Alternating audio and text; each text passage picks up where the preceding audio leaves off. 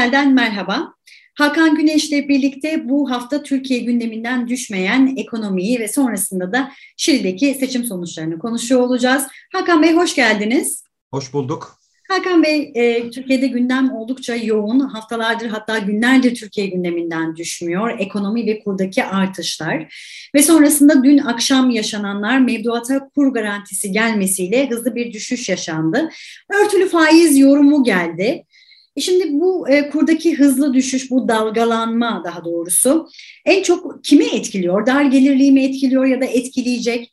E, yoksa Türkiye dış politikası da bu dalgalanmadan nasibini aldı mı veya alacak mı? Yani toparlayacak olursam Türk lirasındaki bu dalgalanma uluslararası alanda ne anlama geliyor Türkiye'nin itibarı açısından? Evet, şüphesiz söylediğiniz gibi en çok dar gelirliği vuruyor. Çünkü bütün e, yediğimiz, içtiğimiz, aldığımız her şey aslında uluslararası piyasa şartlarında şekilleniyor. Ve bunları e, sübvanse edecek, düzenleyecek herhangi bir kuruma sahip değiliz. Yani biz örneğin kendi e, kamu, kamu iktisadi teşekkürlerimiz olsa, işte halk ekmek örneğinde olduğu gibi ekmekten süte, efendime söyleyeyim, e, tekstilden e, otomobile kadar bütün bunları kamusal olarak üretiyor olsak yahut en azından yerli sermayeyle üretebiliyor olmuş olsaydık bunlardan daha az etkileniyor olacaktık. Fakat biz öyle bir ekonomi değiliz maalesef. Eldeki bütün e, tarım işletmeleri dahil, bütün kamusal işletmeleri tasfiye etmiş bir ülkeyiz. Bir. İkincisi, e, bütün bu süreçten uzman ekonomistlerden anladığımız, ben o alana girecek değilim, biz de anlamaya çalışıyoruz onlardan ekonominin durumunu. Gördüğümüz şey şu aslında uzun zamandır hep böyle ana kilitleniyoruz ama uzun zamandır bir şey konuşuluyor. 128 milyar nerede diye. Şimdi orada sorulan soru boşuna sorulmamıştı. Gerçekten rezervlerle ilgili. Yani bu kara günlerde e, ister dış faktörlerle ister iç faktörlerle e, olsun kurdaki da, e, dalgalanmaları ve riskli gelişmeleri dengeleyebilecek bir rezervinizin olması gerekiyor. Bu artık hepimizin bildiği bir şey. Şimdi bunun olmadığı, daha doğrusu bunun çok fena şekilde çarçur edildiği, e, işte bu geçmediğimiz köprülere ve başka bir takım e, kaynaklara aktarıldığı. Keza yine bu tür günler için oluşturulmuş fonların da örneğin işsizlik fonunun e, işverenlere aktarıldığı ve benzeri bir dizi yanlış ekonomi politika ile karşı karşıya olduğumuzu anladık ve belli ki şimdi bazı palyatif çözümler gelse bile bunun kolay bir çözümü yok gerçekten seçim dışında. O da üstelik bir enkaz devralacak. Hepimizi ülke olarak çok ağır ve zor günler bekliyor. Halihazırda da zaten çok ağır günlerin içindeyiz. Yani doların, euronun 18-20 bandına gitmesi ve tekrar 13'e inmesi hatta 8'e inmesi bile de aslında 5'in üstünden beridir biz krizdeyiz. Dolayısıyla bunu düzeltecek e, alt yapı olmadığı gibi yapısal önlemlerde alınmış değil. Bu bir kere en önemli konu. Şimdi ve bunun e, en çok dar gelirliği, işsizi ve işte nüfusun yüzde altmışını oluşturan, çalışan nüfusun yüzde altmışını oluşturan asgari ücretle geçinenleri etkileyeceği çok açık ama onun dışında orta sınıfları da eritecek türden bir gelişme. Fakat sadece bununla ilgili değil. Yani sadece dar gelirliği vurmadı. Bu aynı zamanda Türkiye dış politikasını da vurdu ve vurmaya devam ediyor. Türkiye'nin hem uluslararası e, kredibilitesi düştü ekonomik anlamda hem de siyasi olarak aslında düşünsenize siz e, Ege Denizi'nde, Suriye'de, e, Mısır'la, başka ülkelerle, efendime söyleyeyim Rusya ile, ABD ile çeşitli konularda müzakere halindesiniz. İki şeyi iyi başarmanız lazım. Bir, güçlü bir ekonominizin olması gerekir ki müzakereden güçlü çıkasınız. İki, iç birliğinizin olması lazım ki yani sadece bir partiyle değil ülkeyle müzakere ediyor olduğunu anlasın diğer taraflar. Bu ikisi de yok. Uzun zamandır yok. Hele şimdi bu iyice gitmiş durumda. Bu bakımdan e, ülke dış politikasında da e, ciddi bir irtifa kaybı ile karşı karşıyayız. E, bunun üzerine ekleyebileceklerimiz var aslında belki daha somutlaştırmak için. Şimdi Türkiye'nin önemli bir takım dış politika enstrümanları var. Daha çok yumuşak gücünü oluşturan. Nedir onlar? İşte e, TİKA var. Örneğin Türk İşbirliği ve Kalkınma Ajansı işte yüz küsur ülkede bir takım projeler yürütüyor. E, Türk lirasıyla mı yapacak bunu? Yani her şey hani Türk lirasıyla kazanmıyoruz, dolarla kazan şey dolarla kazanmıyoruz, Türk lirasıyla efendim maaş alıyoruz e, sözü var ya. Peki bu dış yardımları biz Türk lirasıyla mı yapmaya devam edeceğiz? Hangi bütçeyle yapacağız? Yine Türk Okulları Marif e, Vakfı'nın e, finansmanı yine böyle e, sayısız e, dış temsilciliklerimizin bütçelerini düşünsenize yani konsolosluk sayısını mı azaltacağız? Nasıl olacak bütün bunlar? Ama bunlardan daha önemlisi yani bütçenin tutmayacağı açık vereceği açık. Aslında bunun gittiği bir yer var. Oraya belki biraz dikkat çekmek lazım. Türkiye e, hem dış politik mekanizmalarını finanse edebilmek hem de genel olarak bütçede öngördüğü işleri yapabilmek için ek kaynağa ihtiyaç duyacak. Ek kaynak için eğer öz kaynaklarınız yoksa hatta rezervinizde yemişseniz son derece maliyetli borç alırsınız. Bu borç meselesinin de en az 100-150 yıldır bir tanımı var. Bu bir bağımlılık ilişkisidir. Bizim düğünü umumiyeden çok iyi bildiğimiz süreç. Yani günün sonunda borçlarınızı ödeyemeyecek hale geldiğinizde al, e, alacaklı olan e, ülkeler ya da şirketler ne yapar? Sizin vergi ve gelir kaynaklarınıza da el koyarlar. Duyunu umumiye dediğimiz şey buydu. Evet. Şimdi bizi yeniden bu sınıra yaklaştıran bir ekonomik çöküntü içindeyiz. Bu dış politikayı da gerçekten fena halde e, baltalamış durumda. Daha doğrusu dış politikada e, etkili bir çizgi izlemenin olanaklı olmadığını e, artık gösteriyor. Zaten tam da bu nedenle aslında belli ki epeydir bir Mısır'la yumuşama, Birleşik Arap Emirlikleri'nin kapısını aşındırma, Suudi Arabistan'a çiçekler gönderme e, gibi adımlar atıldığını e, şimdi daha iyi anlamış oluyoruz. Ve bunlardan aslında günün sonunda şu çıkıyor. Günü kurtaracak palyatif çözümler gelir ama eğer öz gücünüz, öz kaynaklarınız, stratejik sektörlerde kamusal yatırımlarınız yoksa işte böyle açıkta kalırsınız ve bunu tabii e, bir hükümet eleştirisi olarak değil bir ülke politikası eleştirisi olarak söylüyorum. Çünkü bunun sonuçları hepimizi etkiliyor. Hem ülkemizi hem bizleri tek tek bireyleri etkiliyor.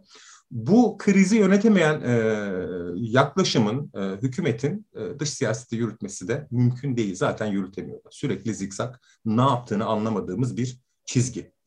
E, bundan tek çıkış var gerçekten. Onu da zaten halk epeydir söylüyor ve bekliyor. Sabırla o günü bekliyor.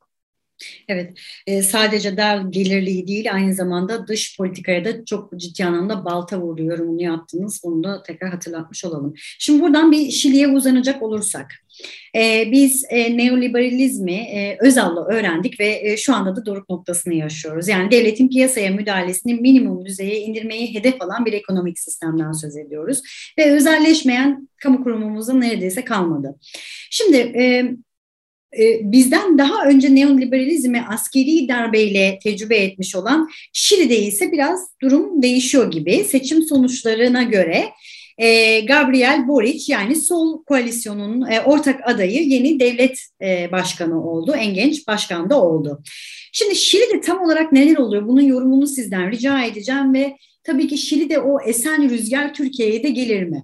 Bunu da evet. sormak isterim. En sondan başlayalım. Umudumuz o. Yani aslında Akdeniz kuşağının e, böyle benzeyen bir takım özellikleri var Şili'de.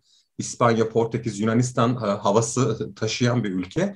Çok e, köklü bir e, sol geçmişi olan ve e, ne diyelim bir hani kamucu dönüşüm e, tecrübesi e, denemiş olan, Allendes'i olan bir ülke burası.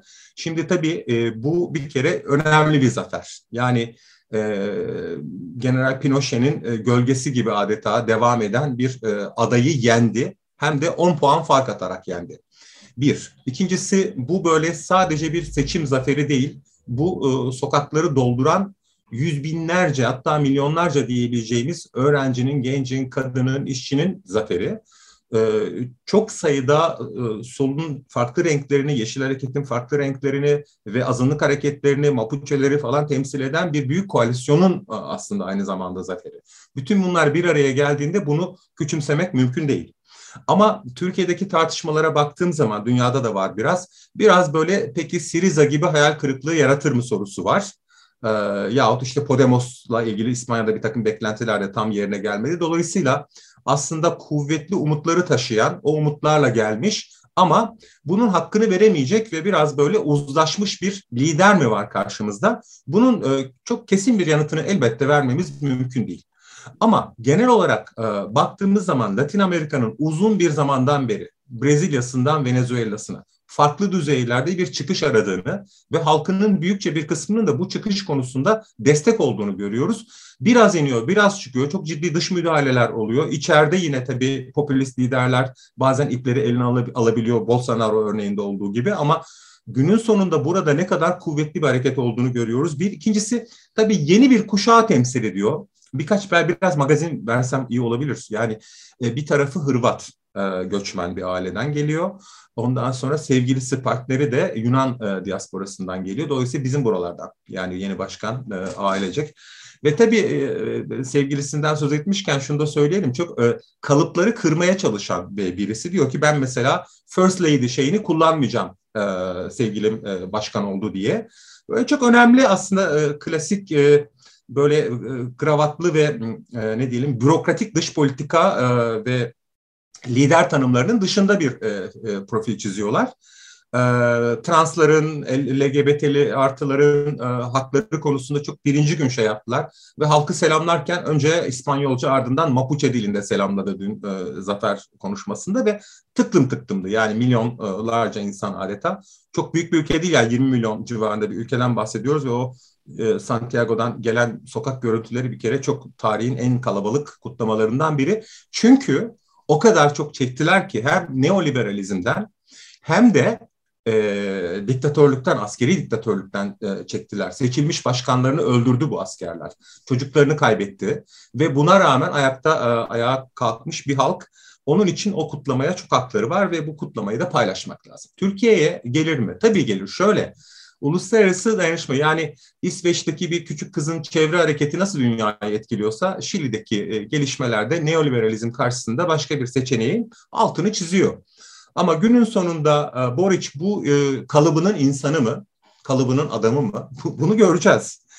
Bunu yani bu, bu düzeyde bir kestirimde kimse için yapamayız. Çünkü bunlar hep böyle uzlaşma, karşıtlık ve sonuçta sokağın o geniş kitlelerin belir, belirleyeceği bir şey. Tek bir adaydan değil bir hareketten bahsettiğimiz aslında görmemiz lazım.